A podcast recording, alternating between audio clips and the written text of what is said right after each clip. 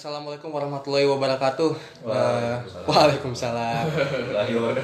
Oke, eh, seperti janji gue ya, gue bakal berusaha mengundang teman-teman gue untuk menemani podcast gue pada malam hari ini.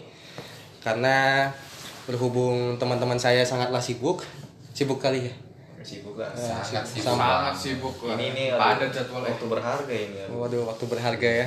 tahu yang tadi itu kan kita sempet jalan-jalan banyak acara kan iya tadi kan Iya. baru, aku baru pulang dari Singapura ini gaya, gaya. aku baru landing ini dari Aduh, Thailand aku iya. Aduh. Tadi ada acara di Malaysia juga Ya, pokoknya- ini gua balik gua- ke Singapura lagi nih Nah, Iya, buat ini ya, buat apa Iya. namanya? Buang air kecil gitu. tapi ini pasti honornya besar kan Waduh. eh. sebenarnya ini gua sempet sempetin aja iya ini di sela waktu Iya, iya. jadi jadi em, sangatlah panjang dari episode terakhir soal review apa namanya? Sexy Killers. Dua minggu lebih ya berusaha untuk eh, menegosiasikan teman-teman gue yang apa ya? Ya alhamdulillah akhirnya bisa datang juga. Oke, sebelumnya perkenalan diri dulu dong biar makin sayang. Ayo. Dari siapa dulu? Ayo. Oke, nama gua Aviandi. Eh. ya, gua satu kampus lah sama si siapa sih pemilik podcast ini. Nah, kebetulan kan gua juga mahasiswa HI yang kita sama-sama belajar lah tentang isu-isu internasional kayak gitu sih. Nah, ini juga ada teman gua ini entah mereka kenalin sendiri-sendiri. Oke. Lalu siapa yang nama lu? oh nah, oh nama nama gue gue gue gue. nama gue oh Noval Fikri Khairi panggil aja Ivan biar ya biar lebih gampang lah soalnya kalau Noval Fikri Khairi kepanjangan kan Iya. kasihan tuh. Oke. Nah, ya masa segitu doang lanjut lanjut lanjut. Yo, sama sih ya aku teman kampusnya Alwi yang punya podcast ini. Nah, kita ya satu jurusan, satu organisasi ya. Ya saling tukar pikiran lah, sharing-sharing lah. Ya. Kemudian ini ada orang-orang asing nggak tahu siapa. Babu.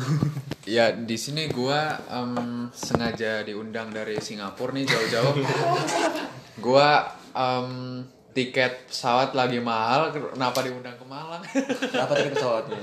Kenapa? Wah tadi pesawatnya sempet delay nih Gue kamu hoax, hati-hati loh. Dipenjarain kamu. Pesawatnya lagi di Oke guys, jangan penjarakan aku ya, soalnya aku tadi hoax. Em, nama gue Jordan btw, gua temennya dari Mas Alwi Akbar. Mas. Em, semoga saya dibayar nih habis streaming apa? Tenang. Broadcast podcast di sini. Ya pastilah bayar. Dibayar sama pizza kan? Oh iya. ya. Jangan lupa kopinya. Ya udah Kopi. Aku teh aja sih. ya aku nih em, sekelas nih sama Alwi. Hmm. Alwi juga kebetulan ya seri- sering sharing masalah HI sih sama gua. Ya apa sih yang hot lagi minggu ini gitu itu. Biasanya gua diskusiin sama Alwi. Walah. Oh iya, kali itu. maka iya, Kan, Wi? yo makanya dari itu eh, seperti ya yang gua sebutin sebelum-sebelumnya bakal ngebahas soal apa sih berita-berita yang paling hot di minggu-minggu ini. Makanya gua tu- tugasin sama Aviandi, sama Ivan, sama Jordan buat nyari-nyari ya, nyari-nyari berita aja. Tugas ada nilainya ya? Eh, iya. Iya sih, boleh, boleh. Oke. Tugas. Ya, BTW eh, mereka perkenalan pakai bahasa gaul rupanya eh, dua dari orang Jawa, yang satu dari Sulawesi. Jadi kalau bisa agak terdengar Yang bahasa satu gaul. Sulawesi ngaku Jawa. Iya, Sulawesi.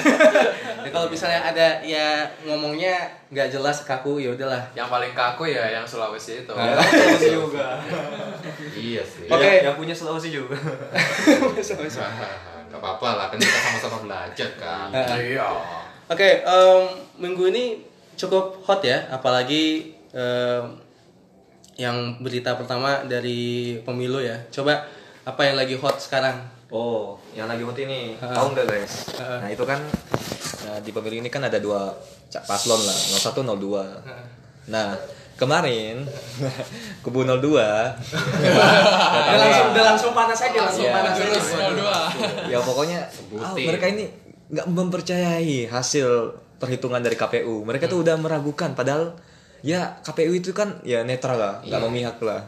Nah terus mereka tuh kemarin melalui ya pembicaranya apa nama Eh, pembicaranya namanya apa namanya apa siapa bicara BPN Ah, ah. Badan Pemenang Nasional Ah, ah. nah itu nah pemenangan nasional iya. nah itu kan mereka kayak bilang kami tidak eh, menerima hasil pemilu Hmm. kami itu ingin memprotes pokoknya sampai ke MK gitu People power. people power Amin Rais. Amin Rais Amin Rais katanya dia ini keluar negeri Wah, ngapain dia di keluar iya ada fotonya Oh, Awal buset ya. Oh, Iya. ya. Nah, nah terus ini apa? Mereka tuh kayak meragukan. Nah, ta- nah ini hal ini yang menjadikan demokrasi di Indonesia itu kayak immature. Maksudnya nggak belum dewasa lah. Dalam berdemokrasi mereka belum dewasa, belum bisa bersifat ya adil. Maksudnya menerima kekalahan. Yang satunya menerima, satu menghormati sesamanya gitu. Masih kurang. Jadi pemilu di Indonesia ini selain kental akan ya tadi hal-hal yang tidak dewasa juga adanya ident politik identitas. Nah, tahulah ini kan eh, terjadinya kan eh, tertrigger artinya terpicunya itu kan waktu 2014 waktunya eh 14 17 17 kasus si Ahok, Ahok. Oh iya. Parahnya kan di situ. Eh, itu parahnya. Tapi Ahok, bibitnya kan mulai dari 2014 iya, itu kan. 2014 kan yang Jokowi lawan Prabowo lagi kan Prabowo lagi. Iya, sekarang ya Prabowo lagi. Prabowo Ntar ya. 2024 Prabowo lagi. Prabowo sama siapa? Jokowi kan selesai. Nah, itu kan yang 2014 kan ada majalah ini kan, majalah Obor Obor Rakyat. Itu kan jelek-jelekin Jokowi. Itu kayak udah negatif campaign terus udah mulai adanya pe- pemecahan-pemecahan masyarakat. Terus ya triggernya ya di 17 itu kasusnya si Ahok menin- menistakan Islam. Nah, itu kan kayak oh umat Islam 212. Dua berapa? Wah, si bela Islam. Bela Islam. Terus berempat. Oh jangan jangan jangan dibahas jangan. Ya, ya. Wak. itu itu sensitif. Iya, Iya, sensitif. iya, jangan, jangan. Tapi kan itulah ya. Nah, tapi kan emang terjadi kan 212 itu kan. Nah, nah itu kayak awalnya identitas Islam paling paling mencolok itu di situ. Sampai sekarang semakin banyak aktor atau elit-elit politik yang menggunakan itu. Sampai 14 ini, 17, eh 18, 19 ini nah ya mulai muncul Parah lagi, lagi. parah lagi. Muncul lagi. Cebong, cebong kampret. ulama satu, ulama dua, kubu satu, kubu dua.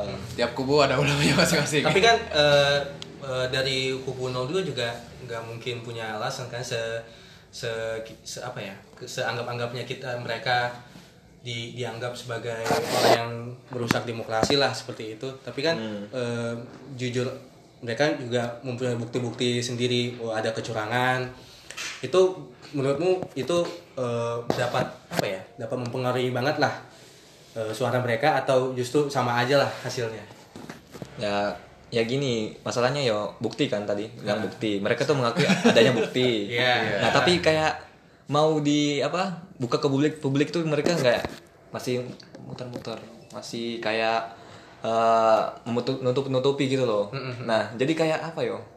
Mereka kayak si Pu- Puyono. Puyono itu kan eh, salah satu elit di sana kan. Dia mengatakan bahwa ada kecurangan. Mereka di mereka diancam mau dibunuh gitu kan. Terus ditanya buktinya apa? Siapa ngancam? Tuh nggak mau kasih tahu. Itu kayak nuduh maling tapi nggak mau kasih bukti gitu. Ya jadi gitu kayak kalau ada bukti ya lapor lah gitu loh. Lapor. Ya kalau ada kecurangan di 01 ya ya udah. Kan curang kan berarti ya terbukti. Ya diproses lah. Tapi kalau misalnya mereka yang buktinya palsu atau emang cuma nuduh ya itu bahaya bisa. Ya mencederai demokrasi Indonesia juga sih di mata dunia Ya, Terus eh, apa kayak dijawab lagi ya tahun 2014 ini sampai ke MK kan. Ini kemungkinan besar menurut kalian nih kasus sampai benar-benar disidangkan di MK nggak? Kalau kalau dilihat dari apa ya eh, nggak kacau juga sih tapi eh, intensitas yang sangat tinggi di politik Indonesia eh, Prabowo nggak bakal nyerah nih sampai ke MK itu ada ada indikasi ke situ nggak? Mungkin Jordan bisa bisa menangg- menanggapi. Gimana? Aduh. kamu itu kopin dipakai kan kan eh, maksudnya kalau kan kayak kayak yang dijelasin sama si Ivan eh, kemungkinan besar bakal dilanjutin ke MK berarti kan kayak di, di Javu tahun 2014 kemarin Ah. Eh, bakal kemungkinan ke situ atau bagaimana dari Em, kalau menurutku sih sepertinya ya kemungkinan dijawab lagi. Soalnya kan kubu 02 kan merasa nggak terima juga kan, merasa keberatan juga atas ya apa sih proses yang dilakukan selama itu itu dianggap curang. Dan mereka itu walaupun mereka mungkin ke MK itu adalah langkah final. Kan mereka kan sebelum itu kan juga merencanakan apa sih people power itu kan. Ah iya. Juga kemarin itu mereka beberapa hari yang lalu kan ngepung apa Ba- Bawaslu. Bawaslu. Nah, itu Bawaslu aja sampai dikepung. Nah, parah kan itu. Nah, mungkin kalau nggak keturutan suara mereka nggak didengar mungkin ya gawat juga pertamanya people power dulu. Mereka turun ke jalan aku nggak tahu mereka turunnya di mana. Mungkin demo besar besaran di Jakarta mungkin. Iya. atau bisa aja ke beberapa ibu kota besar. Iya. ibu kota di ma- di mana lah pokoknya gitu.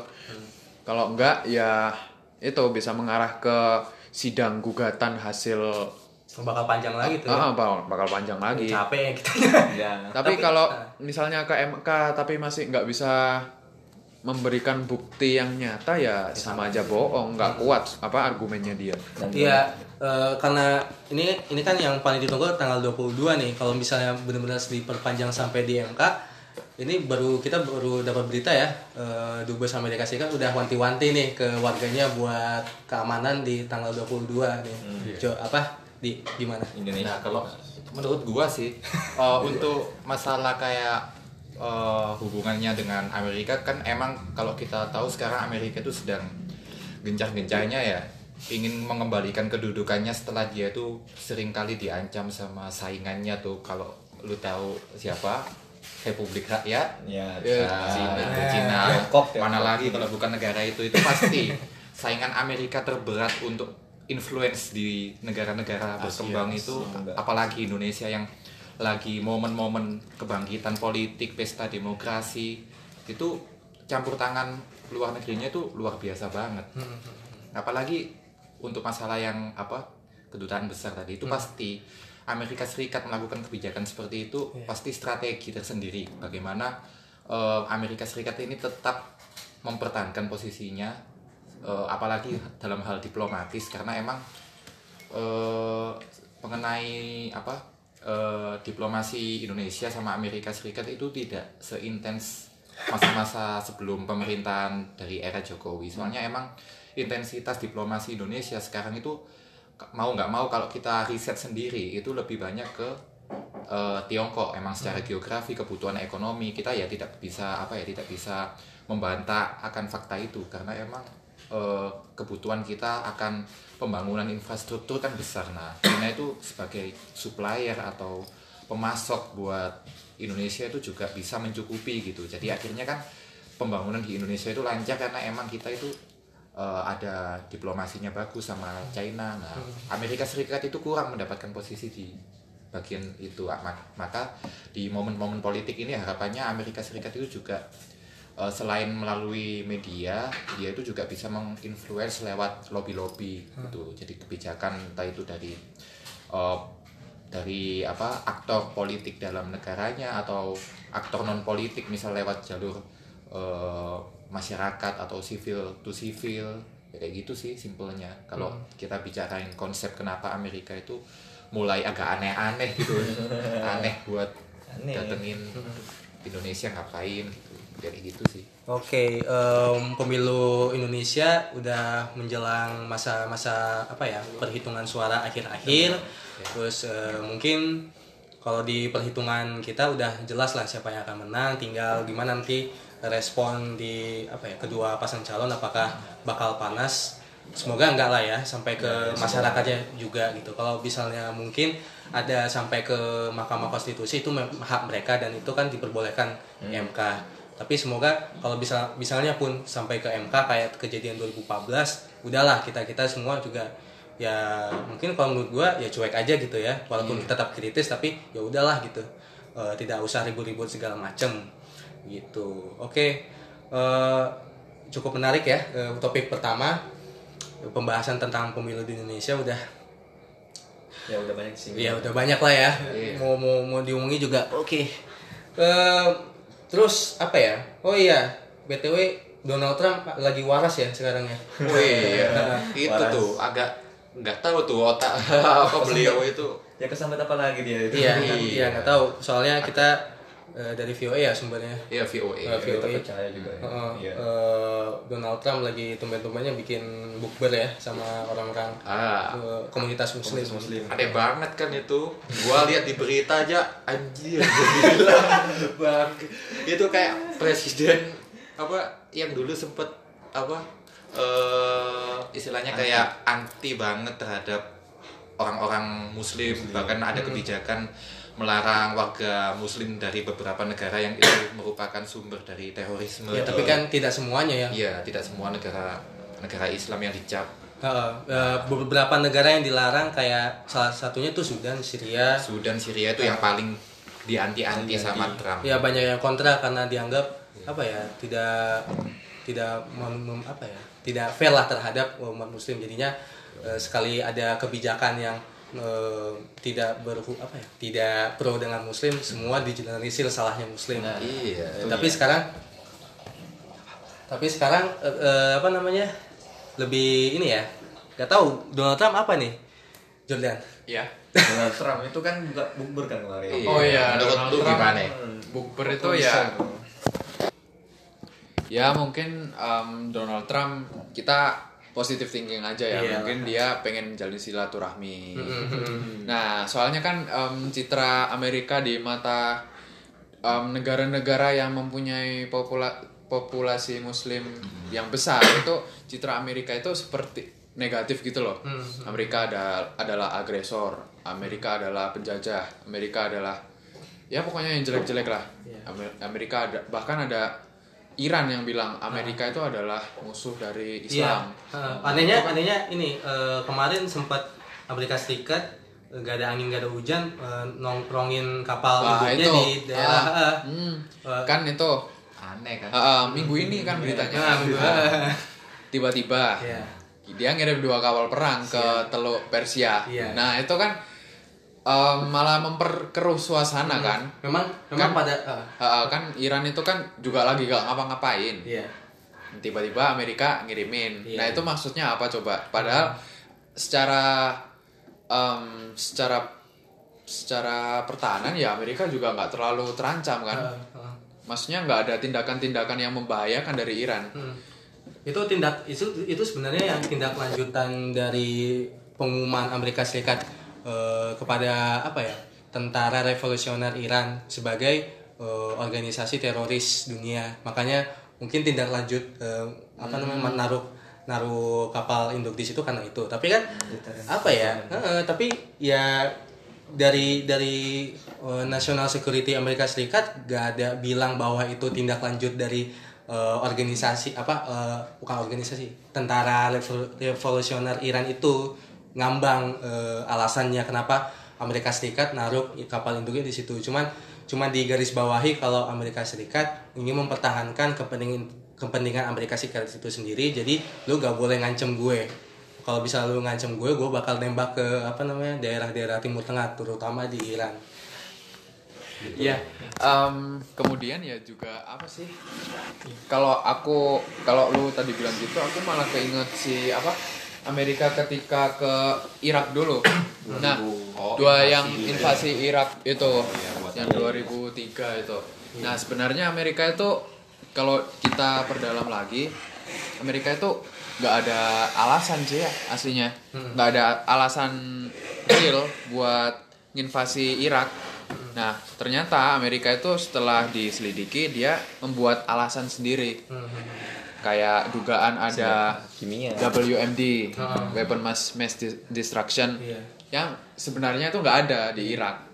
lagi gabut kali apa tentaranya Amerika Serikat ya Ya mungkin kurang pemanasan, kurang latihan perang Iya. gitu. jadi, Makanya jadi butuh, jadi butuh kerjaan gitu tentara Amerika Serikat Lagi gabut tuh. Mungkin bisa jadi sarana latihan mungkin. Iya. Latihan. Daripada tentaranya manasin tank mulu tiap pagi Iya, udah buat perang. juga kan kita latihan latihan kapan kapan perangnya gitu ya Bensin habis cuma buat manasin pagi hari. Oke, balik ke topik Eh, soal Donald Trump yang lagi waras. Yang paling aneh adalah di berita di berita di situ adalah eh, nggak ngundang komunitas asli Islam eh, komunitas Islam di Amerika-nya itu sendiri, cuma ngundang beberapa dubes Negara. eh, termasuk eh, Indonesia juga terlibat di situ. Eh, terus eh, yang paling unik adalah eh, pernyataan dari eh, ketua komunitas salah satu ketua komunitas Islam di situ katanya kita nggak kita nggak pernah diundang kok sama Donald Trump. Kalaupun Donald Trump ngundang kita, kita juga nggak bakal datang karena ya itu tadi eh, apa ya citra Donald Trump yang selalu apa apa istilahnya ya, yang mendestruk Kalau iya, Iya. soalnya emang apa ya citra dari masyarakat eh, lebih lebih tepatnya itu bukan di masyarakatnya sih kayak kelompok-kelompok dari lembaga swadaya masyarakat yang ada hubungannya sama gerakan Islam itu condong kalau terhadap perpolitikan Amerika Serikat yang sekarang itu memihak ke oposisi. Karena emang mereka itu lebih suka pemimpin yang sifatnya emang dari awal demokratis. Orang-orang gerakan-gerakan yang kayak civil society kayak mereka itu juga lebih leluasa gitu loh kalau punya pemimpin yang demokratis ketimbang eh, aliran politiknya Donald Trump sekarang yang cenderung konservatif kan. Apalagi kita tahu eh, setelah pemilu Amerika Serikat eh, tahu beberapa tahun yang lalu itu kan eh, partai Republikan kan juga sempat apa ya istilahnya eh, unggul dalam hal beberapa wilayah Amerika Serikat yang Ah. memenangkan negara bagian negara negara bagian Amerika Serikat yang memenangkan eh, pemilu itu. Jadi kan sistemnya Amerika Serikat kan uniknya kan emang pemilunya tidak dihitung secara populasi total kan beda kayak kita Indonesia kan udah dari Populasi awal. total. heeh.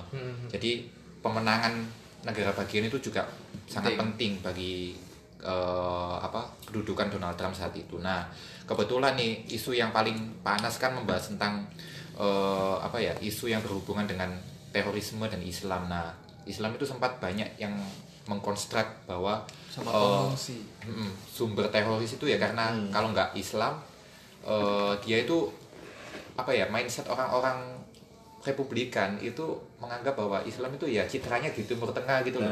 Kita yang Indonesia yang mayo- mayoritas Islam itu tidak dipandang sama apa orang-orang kayak penganut ya konservatifnya Amerika Serikat itu.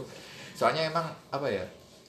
Mereka itu sudah di media mereka itu sudah banyak memberitakan bahwa isu-isu perang Timur Tengah berhubungan dengan sentimen motivasi bahwa agama Islam harus ditegakkan yang namanya khilafah kayak yang namanya negara Islam. Nah, sentimen-sentimen itu yang sering diberitakan ke penduduk Amerika walaupun kalau kita lebih riset lagi sebenarnya masyarakat Amerika Serikat itu tidak tidak mempermasalahkan agama.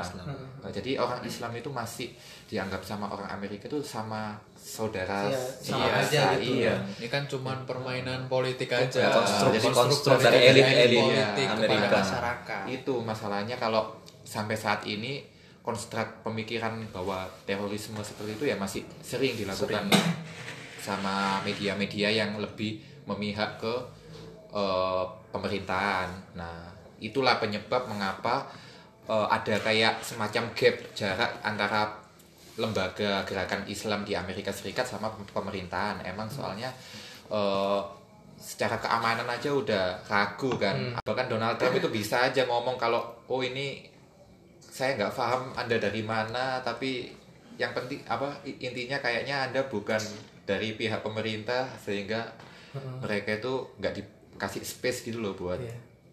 Apa ya datang ke Ya. tempat kegiatan seperti Bisa. itu. Nah, padahal kalau untuk permasalahan agama sendiri itu bukan Donald Trump itu bukan apa ya memfokuskan bahwa terorisme itu di Islamnya bukan. Emang soalnya kalau kita lihat sendiri Donald Trump masih butuh loh kayak Arab Saudi, terus negara-negara yang uh, sealiansi sama Arab Saudi kayak Qatar, Kuwait, ya, karena emang subsidi minyaknya gede kan. Jadi kan kepentingan-kepentingan itu masih Iya.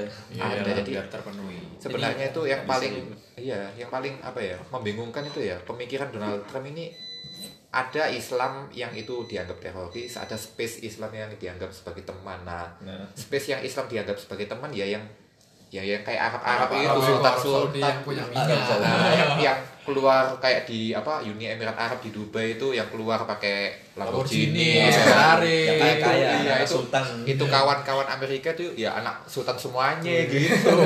Iya. Kayak gitu sih. Mm-mm, tep- eh, apa namanya eh, balik lagi ke ada hal yang menarik soal apa ya pembicaraan stigma tentang Islam tuh soal eh, khilafah ya. Nah, khilafah. iya jadi Jadi di Indonesia udah lagi marak-maraknya beberapa tahun lagi, eh beberapa tahun yang 2030. beberapa tahun eh, Belakangan. terakhir ini ya eh, ngomongin soal khilafah, khilafah akan bangkit. Eh, tapi kebanyakan eh, dari kita kurang memahami khilafah itu apa, bahkan pada orang Islam itu sendiri begitu. Kalau kita kan udah udah udah eh, belajar ya kan soal politik pemikiran politik Islam bagaimana tentang khilafah. Eh, kalau menurut gua sendiri lebih apa ya politik eh eh, khilafah itu mm, secara administrasi istilahnya kurang kurang jelas bagaimana eh, secara administrasi eh, khilafah Islam dapat mem- apa ya, Sistem negara. iya sistem negara itu bagaimana Eh, walaupun walaupun banyak yang mengatakan bahwa ya udah ke- kita berlandaskan berlandaskan pada eh, Al-Qur'an hadis. Nah tetapi bagaimana khilafah ini secara eh, administrasi administrasi dalam tanda petik untuk apa ya eh, kepemimpinan misalnya. Nah aku mau share juga nih soal di apa zaman-zaman Ottoman atau Utsmani. Iya, nah sejarahnya. eh, sejarahnya. Master. iya enggak juga Master enggak, ini. enggak. Of Turkey. Eh, enggak lah. Belum belum lah tapi ya pengen aja tertarik. Coba coba kalian perhatikan ya. Eh, status mereka tetap eh, khilafah. Tetapi panggilan mereka terhadap pemimpinnya itu eh, sultan. Ini kan ada dua dua apa ya dua kategori ah, ya. dua penyebutan eh, pada pemimpin yang satu eh, khilafah yang satu eh, sultan Nah, aku yang, yang menurutku yang aku lihat eh, pada saat itu eh, jabatan khilafah itu hanya seba- sebatas eh, jabatan simbolis buat keagamaan, tetapi administrasi tetap dipegang oleh sultan. Eh, ber- ber- berarti bisa disimpulin bahwa eh, khilafah ini cuman apa istilahnya? Cuman apa ya? Eh, Label. Iya, bukan nggak label sih, cuman awal dari um, administrasi pada sistem negara Islamnya, begitu. Itu sih, ya saya sih tidak tidak apa ya eh, Terlalu terlalu expert soal Turki dan sejarah, tapi Iya terta- sangat tertarik. kalau kayak masalah khilafah itu sebenarnya kan pemikirannya itu karena emang gini loh. Ya awal Islam itu lahir itu uh, Nabi Muhammad sendiri sebagai apa pengawal dari ide gagasan ajaran uh, Islam yang apa ya istilahnya yang uh, terbarukan itu uh, udah ada kayak istilahnya pembangunan semacam negara gitu loh. Itu tapi yang menjalankan itu bukan nabi sebenarnya tapi sahabat-sahabat nabi. iya. Dan itu udah turun temurun bahkan sempat ada perpecahan perang di apa? Di mana? Di daerah Syam itu di Irak sama Muawiyah sama Ah, siapa perang itu sih? Jamal, perang- Eh, perang Jamal perang Aisyah. eh, Aisyah sama Ali itu kan sempat pecah perang. kan. Nah, akhirnya di situ kan awal perpecahan Syiah sama Sunni yang isu-isu sampai sekarang itu masih ke bawah nah sampai pada akhirnya kan konsep khalifah ini hilafah negara hilafah ini kan juga eh, apa ya ada yang berbentuk saat itu kan emang dikembalikan ke bentuk kerajaan. Emang kan sistemnya kalau monarki. eh, monarki eh, absolut karena emang jika kita apa berpijak pada zamannya sahabat Nabi itu mereka nggak monarki mereka itu sistemnya gantian gitu kayak kalau udah eh, kalau udah apa Habis. usianya udah Mau mati. eh, Ya, udah lagi. lanjut kalau udah lanjut itu gitu. itu digantikan ke sahabat lain yang mungkin masih Ditunjuk gitu ya atau Iya, musyawarah gitu kan. ditunjuk sama musyawarah tapi kalau zamannya di eh, kerajaan mana itu Umayyah ya setelah dinasti Umayyah. Hoshidin itu ada Umayyah Umayyah itu sistemnya kembali ke monarki Keturunan. ya. keturunan nah dari apa Umayyah ini juga ada perpecahan ternyata sampai ke kalau nggak salah namanya Abbasiyah nah Abbasiyah itu juga puncak kejayaan Islam itu saat itu ya emang banyak kayak perkembangan ekspansi ke Spanyol ke Irak Eropa juga. Utara. Hmm. bahkan Eropa tahu bahwa Islam maju itu ya saat masa itu. Iya, Nah, pada akhirnya ditaklukkan sama si Mongol, di Irak. Nah itu juga yang melahirkan bahwa saat itu juga Islam pecah jadi kerajaan-kerajaan kecil sultan kesultanan-kesultanan kecil sampai pada akhirnya masa perang salib tuh Hmm. Nah, ada kayak Salahuddin muncul tokoh-tokoh pemimpin baru yang membangkitkan Islam sampai pada penyatuan Utsmani Iya. Nah, Utsmani tadi kan udah diceritain sampai masa Perang Dunia Pertama kan. Nah, Perang Dunia Pertama itu runtuhnya kekaisaran Utsmani, kekhalifan Utsmani itu ya di situ sampai saat ini emang nggak ada pengganti khalifah yang seperti apa. Nah, Hmm. wajar aja sih kalau muncul pemikiran dari orang-orang yang ingin membangkitkan Islam bahwa sebenarnya Islam itu bangkit karena apa ya? Ya harus mendirikan negara kayak. Nah, tapi kalau kita pikir-pikir lagi loh kalau Iya. khilafah ya. Sekarang kan kita sistem di negara apa istilahnya di dunia ini kan negara-negara udah jelas batasnya. Ini misal Indonesia itu dari Sabang Merauke. Teritori. Uh, teritori Westphalian State. Nah, Westphalian State kalau uh, kalian belum tahu itu kayak apa ya istilahnya Perjanjian. perjanjian bahwa negara itu punya batas yang jelas. Jadi sebelum Westphalian State itu negara itu diukur batasnya ber- berdasarkan koloni hasil jajahan kan. Kalau ini udah ada batas yang jelas. Nah itu perjanjian itu masih dipegang ketat oleh negara-negara sampai saat ini. Bahkan lembaga seperti PBB pun itu juga masih melindungi yang istilahnya perjanjian Westphalia ini. Nah, jadi kalau misalnya ada orang yang mau bikin negara eh, Islam khilafah itu kan mikir dulu gimana ini awal tahapannya melalui pemikirannya dulu apa penjajahan. Nah, kalau penjajahan itu udah sangat nggak mungkin sekali kalau kita apa ya hubungkan dalam konteks saat ini. Kalau memang saat ini masih zamannya perang, mungkin perebutan wilayah itu ya kita masih bisa mendirikan khilafah. Nah, itulah kenapa khilafah itu udah nggak menurut menurutku sendiri itu udah kurang kurang apa pas gitu buat diterapin membangkitkan Islam. Nah Islam itu mungkin bisa bangkit ya lewat dari negara-negara masing-masing negara itu aja sih. Misal kayak di Amerika kalau kalian tahu di Eropa itu eh, orang-orang Islam itu makin jumlah populasinya itu semakin meningkat ketimbang orang-orang non Islam. Soalnya mereka itu selain ada eh, imigran, mereka itu juga apa ya eh, mulai apa ya kayak develop di karir mereka. Entah itu di bidang politik, di ekonomi, banyak juga muslim yang jadi pengusaha, sampai-sampai pelatih beberapa pelatih di Eropa kan ya muslim, terus pemain-pemain berbintang Eropa kan banyak yang muslim juga. Itu juga menjadi bukti bahwa eh, Islam itu bangkit itu tidak tidak lewat senjata tapi lewat lewat dakwah. lewat dakwah syiar atau lewat ya nggak perlu bahkan dakwah pun itu bisa di apa ya masukkan ke budaya Eropa tapi tapi yang menggerakkan Eropa itu orang Islam Iya. sepak bolanya atau olahraganya kayak sekarang kan eh, pemain-pemain muslim juga apa namanya eh, ada di Eropa dan salah satunya pemain apa klub kebanggaan saya Liverpool ya banyak ya Wah, Salah Muhammad gitu ya. Salah, Salah. Mane, Ya. siapa Syakiri, siapa Syakiri. kita Eh, tapi oke balik lagi ke soal Amerika. Oh, udah Ya, oh iya angka jauh. Udah jauh. Udah jauh ya. Turki. khilafah Khilafah nyasar ini udah fix ya udah balik lagi ya, balik lagi ya eh, soal Amerika yang Amerika. Donald Trump. Donald Trump yang Iya. cukup waras di situ juga em, dubes Indonesia juga ada hadir di situ. Dan dan ya dan gua pikir eh, menjadi apa ya menjadi pembuktian sendiri bahwa kayak kayak Afian dibilang Islam di Indonesia itu eh, tidaklah seperti orang yang distigmakan di Amerika Serikat tentang Iya. teroris dan segala macam. sekali. Heeh. Eh, ya sangat beruntung Indonesia eh, diundang seperti itu. Diundang di bukber ya. Semoga nggak tahu sih menurut kalian Donald Trump ini nggak? Konsisten nggak eh, warasnya Oh, enggak. sampai ini mumpung sembuh aja sih iya mumpung dapat hidayah. iya mumpung Trump dapat hidayah apa? habis itu eh, edan lagi ya, dan lagi gitu Ya dia kan emang terkenal nggak konsisten yang gitu. iya memang eh, Nah, ah, ya awalnya kan dari yang apa? Pas dia terpilih kan dia langsung eh, ya American First kebijakan defensifnya lah.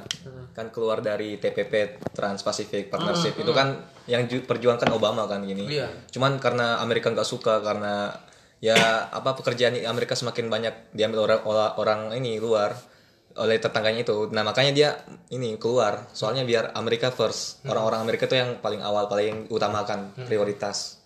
Nah, terus juga ya tadi dia eh, ya inkonsisten lah misalnya biasanya mendukung Islam, terus eh, terakhir eh, ini juga apa bisa jadi dia kontra sama Islam, kritik gitu. Misalnya kebijakannya yang menolak pengungsi juga kan itu. Itu kayak apa ya dia mau bilang waras apa dia Iya, kayak nggak- iya. dinamis gitu. Ah, Dinamis. gimana moodnya dia gitu kalau misalnya pengen Nah. oh pengen dekat sama muslim oke ini Nah. gue bikin bukber tapi kalau gue, gue lagi ah ya pokoknya nggak suka sama suka. eh, bangke lah gitu lah Ya udah. Eh, bikin masalah di mereka ya udah langsung dihajar aja orang muslimnya tapi ya, ya yang bukber itu dia mungkin ya ya tadi untuk apa semacam membentuk citra Amerika lagi lah. Iya. Dia ingin memperbaiki gitu tadi sebelum saya tapi bilang Jordan. ya tapi cukup susah sih untuk membalikan Nah. eh, membalikan citra Donald Trump ya khususnya dengan cara bukber begini Emang udah sejarahnya juga sih udah ya dari dulu lah. Mau dirubah dengan bukber ya susah lah. ya kalau menurut gua sih kalau masalah untuk merubah citra di apa ya biar Donald Trump itu sentimennya baik sama keseluruhan Islam ya kayaknya kan emang dari background Donald Trump sendiri itu kan pengusaha ya. Mm-mm. jadi ya kalau mau mengubah citra ya kita harus jadi apa ya istilahnya orang yang kayak standar dia Mm-mm. entah itu pengusaha kita juga bisa sukses orang kaya kita bisa apa eh, bekerja sama sama korporasinya Trump di New York itu yang ada Trump Tower Trump itu Tower. nah itu itu kita bisa kayak jalin hubungan nah tapi masalahnya nih mana ada oh, apa pe- pengusaha Islam selain sultan-sultan itu yang kayak gitu kan. Susah soalnya udah dari background udah apa ya terkonstruk bahwa Donald Trump itu ya ekonomik banget orientasinya. Kalau nggak ada duit ya kita bahkan dianggap ancaman gitu bisa. Hmm, siap jadi eh, apa ya eh, orang-orang Muslim agak cukup kaget eh, dengan melihat kewarasan Donald Trump membuat acara bukber. Semoga ya walaupun agak susah untuk membalikan citra Donald Trump tetapi ya sedikit-sedikit lah dapat hidayah gitu Dapat ya. amin. nah amin aja lah. Kalau bisa itu juga Donald Trump apa bersahabat sama orang Islam Iya. maksudnya ya ya Uh, itu membatalkan pembukaan dubes di Israel di Yerusalem. Wah. itu itu kan Oh. isu yang paling apa ya men- membuat orang Islam itu menganggap Donald Trump ini mungkin dajjal apa gimana sih Iya, ya tunggu aja berarti tunggu aja Donald Trump mimpi di Rukia baru bisa mungkin sadar lah. Iya. Oke, ngomong-ngomong soal Amerika Serikat, eh, kan negara Amerika Serikat ini kan merupakan salah satu negara em, pemenang Perang Dunia Kedua dan kemarin kapan Jordan yang Oh, acara gini. itu? Kan pra- em, kebetulan pada tanggal 8 sama 9 Mei kemarin itu itu menandakan 74 tahun em, selesainya perang dunia kedua di Eropa. Nah, kenapa kok 8 sama 9? Jadi ceritanya itu gini. Kan em, tanggal 8 itu 8 Mei 1945 itu em, Jerman itu menyerah tanpa syarat kepada sekutu. Nah, em, Jerman itu diwakili sama Jenderal Wilhelm Keitel namanya. Nah, dia itu tanda tangan di depan perwakilan sekutu Amerika, Inggris, Soviet. Nah, itu pada tanggal 8. Nah, tetapi berita tersebut baru sampai ke Soviet itu tanggal 9 Mei. Dikarenakan perbedaan waktu. Nah, maka dari itu orang Amerika, Inggris dan sekutu barat itu ngerayakannya tanggal 8 Mei, sedangkan Soviet 9 Mei. Begitu ceritanya. Nah, em, tanggal 9 Mei itu kemarin itu digunakan sama Rusia sekarang Rusia itu untuk em, memamerkan apa alutsista yang terbarunya. Iya. Nah, alutsista tersebut itu ternyata itu em, alutsista-alutsista yang em, belum sempat diproduksi massal tapi sudah dicoba di Suriah gitu. wow Suriah. Iya. Oh, di kan, Suriah. Iya, Suriah. Suriah. Syria. Syria. Syria. Enggak, tadi tadi ngomongnya Suriah gitu ya. Wah, anjir, biasa. Aduh. Nah, Suriah. Surya aja sekalian merek apa itu Apa? apa ya?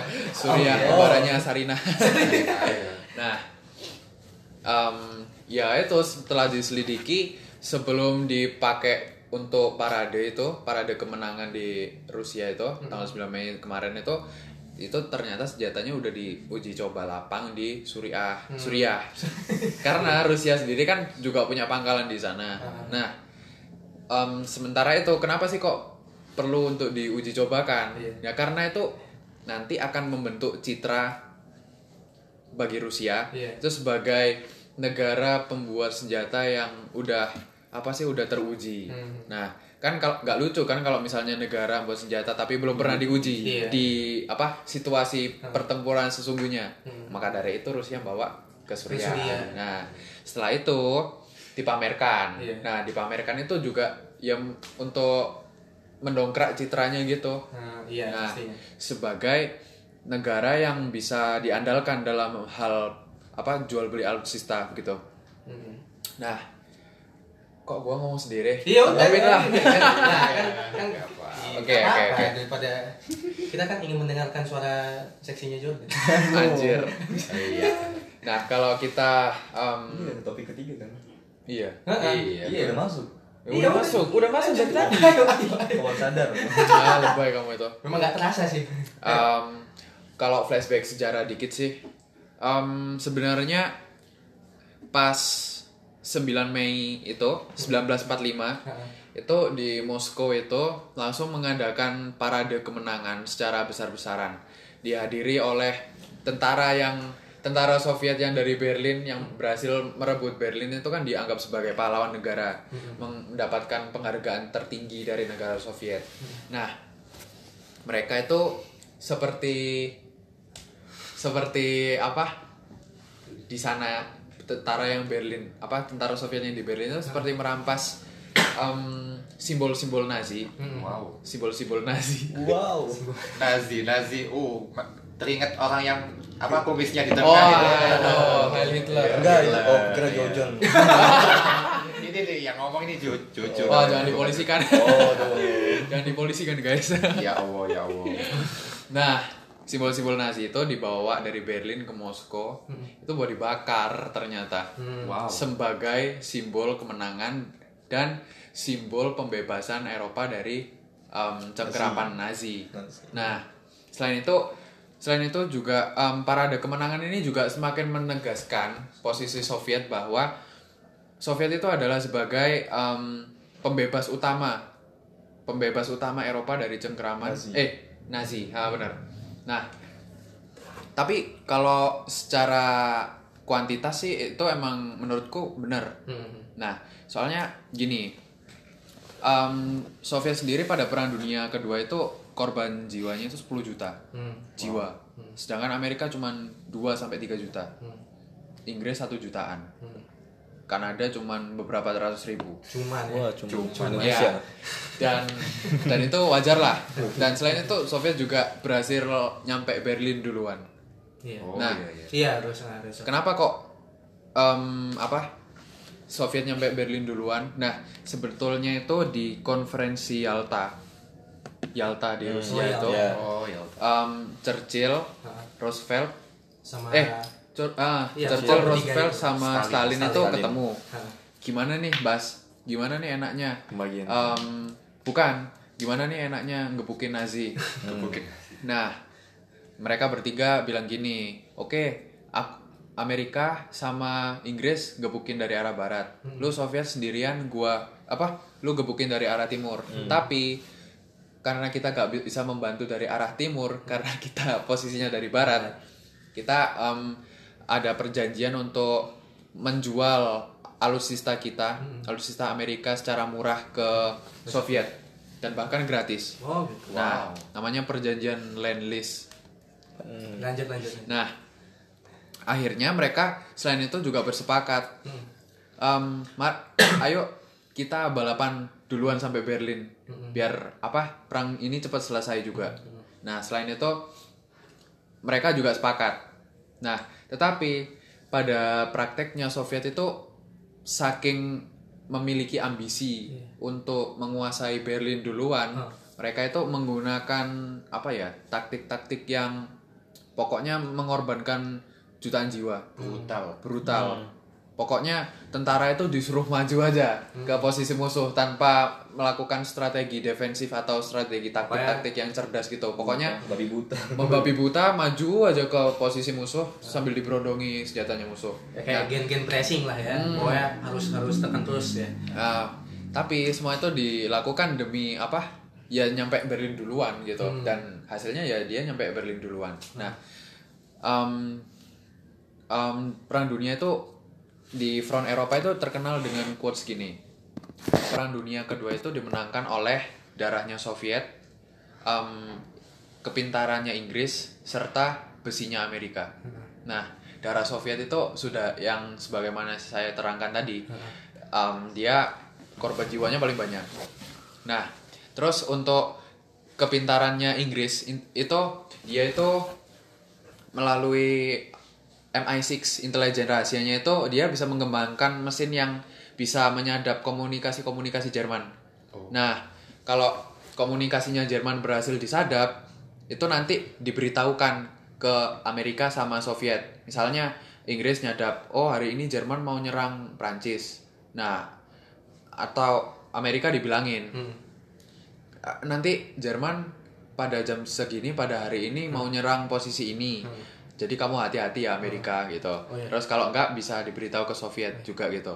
Nah, terus kalau yang besinya Amerika, Amerika itu dia em, lebih mengendalikan tanknya Peralatan. tank dan peralatan alutsista lainnya sehingga em, dia bisa menghajar Nazi dari arah barat gitu. Hmm, iya, Eh, menarik juga ya kalau misalnya kita melihat eh, sejarah Perang Dunia Kedua. Tapi yang eh, fakta yang nggak terlalu banyak orang tahu rupanya pada saat awal-awal Perang Dunia Pertama Uni Soviet bersekutu dengan Jerman. Nah, itu. Nah, Heeh. Eh, terus tiba-tiba karena Jerman juga pengen menguasai Uni Soviet terus menyerang eh, secara ngedadak dan bikin apa ya bikin kaget lah Uni Soviet. Iya, jadi iya. ya ya pastilah masa masa eh, kerja sama kerja sama bareng sama temen lu gitu. Terus tiba-tiba temen lu malah nusuk dari belakang. Ya begitulah ya kan Eh, Nazi. Makanya ya makanya eh, kayak Jordan bilang eh, serangan-serangan Uni Soviet terhadap Jerman eh, sangat membabi buta karena perasaan ya baper yang sangat dalam gitu. Iya, hati. iya sampai Hati sampai dijajah. hati gitu loh kayak mengkhianati temen lu sendiri terus eh, kayak eh, balik lagi yang soal karnaval gue pernah lihat Instagram tuh yang karnaval perayaan itu Parade. eh, di parade itu Parade, di di Instagram kayak ada satu pensiunan tentara yang jalan sendiri doang dan ternyata selama puluhan tahun setelah perang dunia kedua dia baru sadar kalau dialah eh, apa ya mungkin satu-satunya satu-satunya orang yang masih hidup eh, di antara timnya gitu. Jadi timnya yang apa ya timnya yang udah udah gugur cuma dia eh, terus tinggal ya kayak gua gua ngerasa kayak kasihan gitu loh maksudnya selama ini nungguin temennya ngabarin telepon segala macem tapi nggak ada kabar. Ternyata pas pas eh, mau reuni ya rencananya kayak Otomatis Dikabarin semua. udah oh mati iya nggak ada. Nggak ada. Iya. hilang. Nyawanya udah hilang iya. Tinggal dia tinggal dirinya sendiri tinggal tunggu-tunggu waktunya. Waktunya dipanggil. Mm. Ya, Iya sih. di di foto itu juga bilang bahwa ini sebenarnya eh, merupakan sebuah sindiran bagi eh, bagi neg- negara-negara yang apa ya pada saat itu melancarkan sebuah peperangan bahwa peperangan itu men- banyak menimbulkan duka Korban jiwa. du- ya korban jiwa dan segala macam dan maksudnya negatif lah. Jadi eh, itu sindiran bahwa lu eh, lu perang tapi kenapa harus dirayain? Oh, eh, padahal kan perang itu kan membawa kesengsaraan seperti itulah pada fotonya itu. Jadi ya cukup sedih lah kalau melihat eh, ada parade terus iya, ada kakek-kakek lah jalan gitu nggak jelas. Sendirian, gitu. Emang teman gue mana? gitu kan. terus yang lain sama veteran-veteran yang apa yang muda itu kan mereka kan cuma bisa lihat sama ya yang tahu kayak pertempuran kan cuma belajar dari sejarah doang. Belum pernah ngalamin prakteknya langsung turun sesungguhnya perang gimana feel tempur itu kayak gimana. Tapi by the way eh, soal eh, kejar-kejaran ke ke Jerman itu justru walaupun Uni Soviet ya Uni Soviet yang duluan nggak nggak nggak nggak terima sama Amerika Serikatnya justru Amerika Serikatnya yang lebih pantas duluan nyampe ke Jerman ya ya lihat di film dokumenter di YouTube ada deh yang apa Oke. Apocalypse itu kan Oh ya, Apocalypse. Iya. Ah, Nakio. Nat Geo ada di YouTube tuh Hmm. Eh, Oke, ya cukup menarik ya. Ting apa eh, dari pembahasan tentang Perang Dunia Kedua dan perayaan segala macam. Ini gue mau bahas salah satu isu yang cukup sensitif, walaupun bukan di Indonesia, di luar, tapi isunya menyebar juga sampai di Indonesia.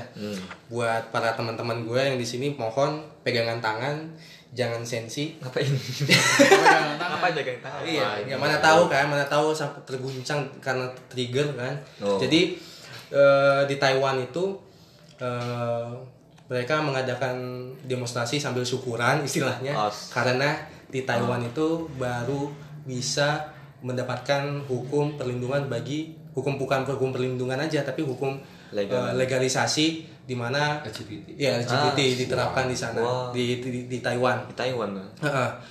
Eh, jadi Taiwan bisa ngeklaim bahwa Taiwan merupakan eh, satu satu-satunya atau pertama kalinya negara Asia yang menerapkan eh, legalnya pernikahan sesama jenis. Nah, gue usah eh, sebelum ngomongin Taiwan aja, khususnya di Taiwan, coba secara umum LGBT eh, isu ini seperti apa menurut kalian? Ini LGBT. Wah, wah, Ini yang wah. expert nih. Eh? Mas Jordan ini pasti langsung OTW ke Taiwan. Dia ini batal rencananya ke Sing- Singapura batal langsung ke Taiwan. Pesan tiket ini. Ini ini pesan tiket ini. Hoax sama Eh, itu. mau booking siapa? Pacar banyak. Wow. Asik, bulan taman. Si Mel. Ramadan tiba. Astagfirullahaladzim. Oke, gimana? Nah, Gimana? Siapa ya, yang jelasin? Apa ya? Ya dari Ya. pakar LGBT dulu. Ini, ini praktisi nih. ya. Berarti cinta Ayo, semua. ayo gimana Pak?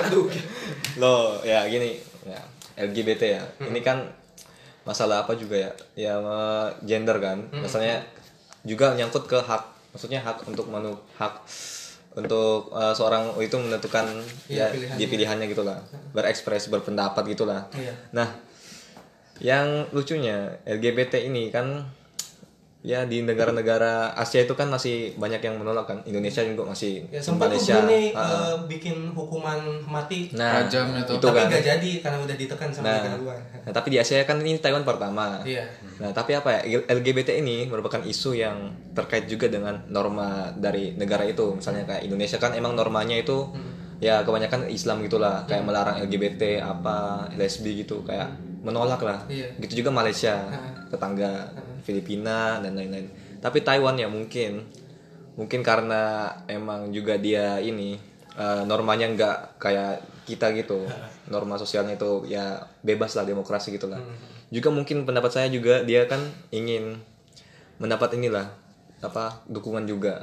Soalnya kan dia masih di bawahnya Cina kan dan dia itu kayak ingin membuat melepaskan diri. Tapi kan nggak bisa karena ada undang-undang Cina yang melarang Taiwan itu memerdekakan diri mem- eh, menyuara- menyuarakan bahwa mereka dan negara sendiri itu itu dilarang.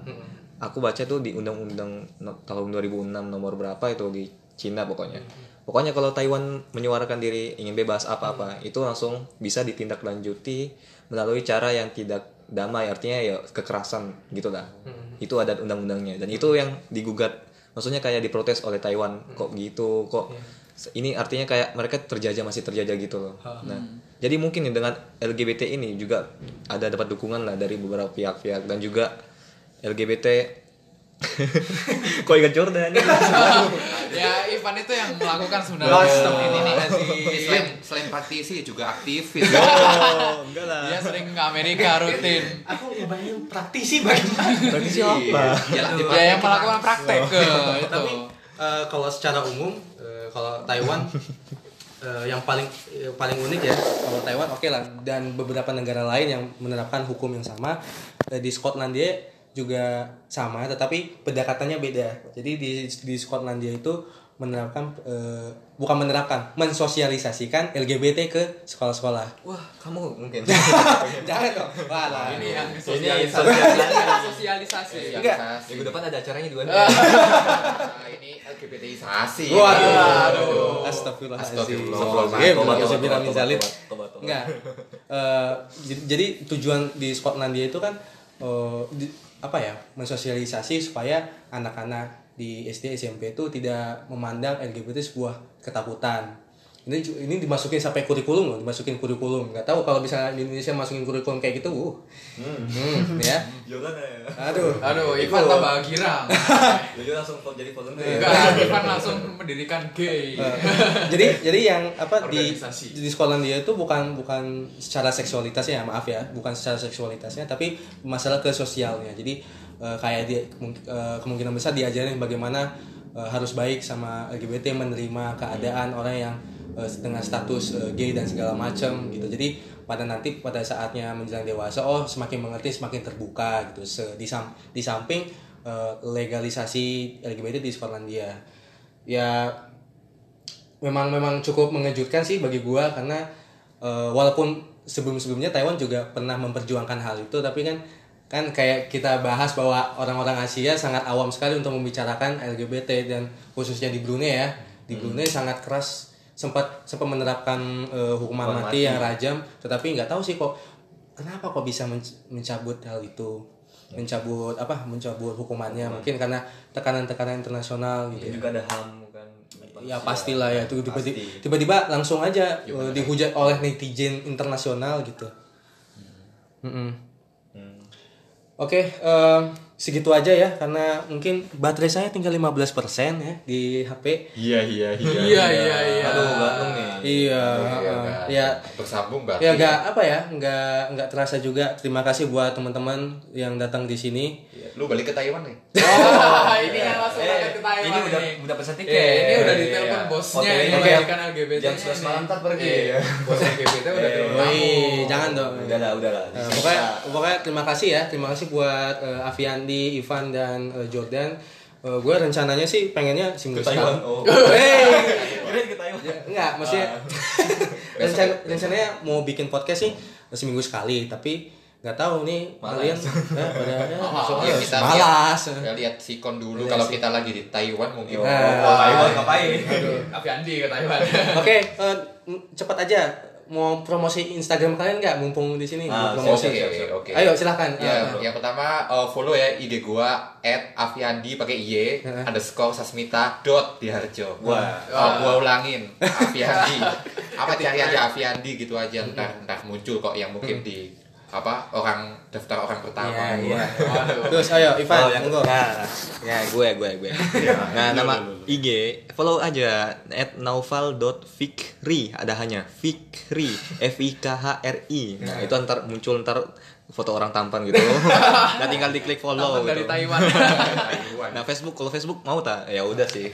Ya Facebook Naufal Fikri Hairi Fikri Hairi itu panjang ya tiga Fotonya alay semua itu Facebook. Kalau WA oh, jangan WA ntar banyak gebetan. Alah, alah, ngapain sih? ayo Jordan ayo Ayo ayo ayo. Kalau LGBT. kamu itu kalau IG gua silakan di follow ya. Um, Flying at, at flying daggers. Apa gitu? At flying um, Bisa terbang. daggers itu D A double G E R S Nah. pakai underscore flying da- flying daggers underscore gitu ya. Um, jangan lupa di follow nanti tak follow back gratis. Oke. Oke, jangan lupa juga yang punya podcast punya Instagram juga ya. Follow juga di @alwi_akbar dan jangan lupa buat subscribe eh, Atlas Indonesia Podcast di Spotify, iTunes, Google Podcast semua platform ada di situ. Terima kasih eh, buat eh, teman-teman gua di sini. Terima kasih juga yang mau dengar. Oke, assalamualaikum warahmatullahi wabarakatuh. Waalaikumsalam Waalaikumsalam. warahmatullahi wabarakatuh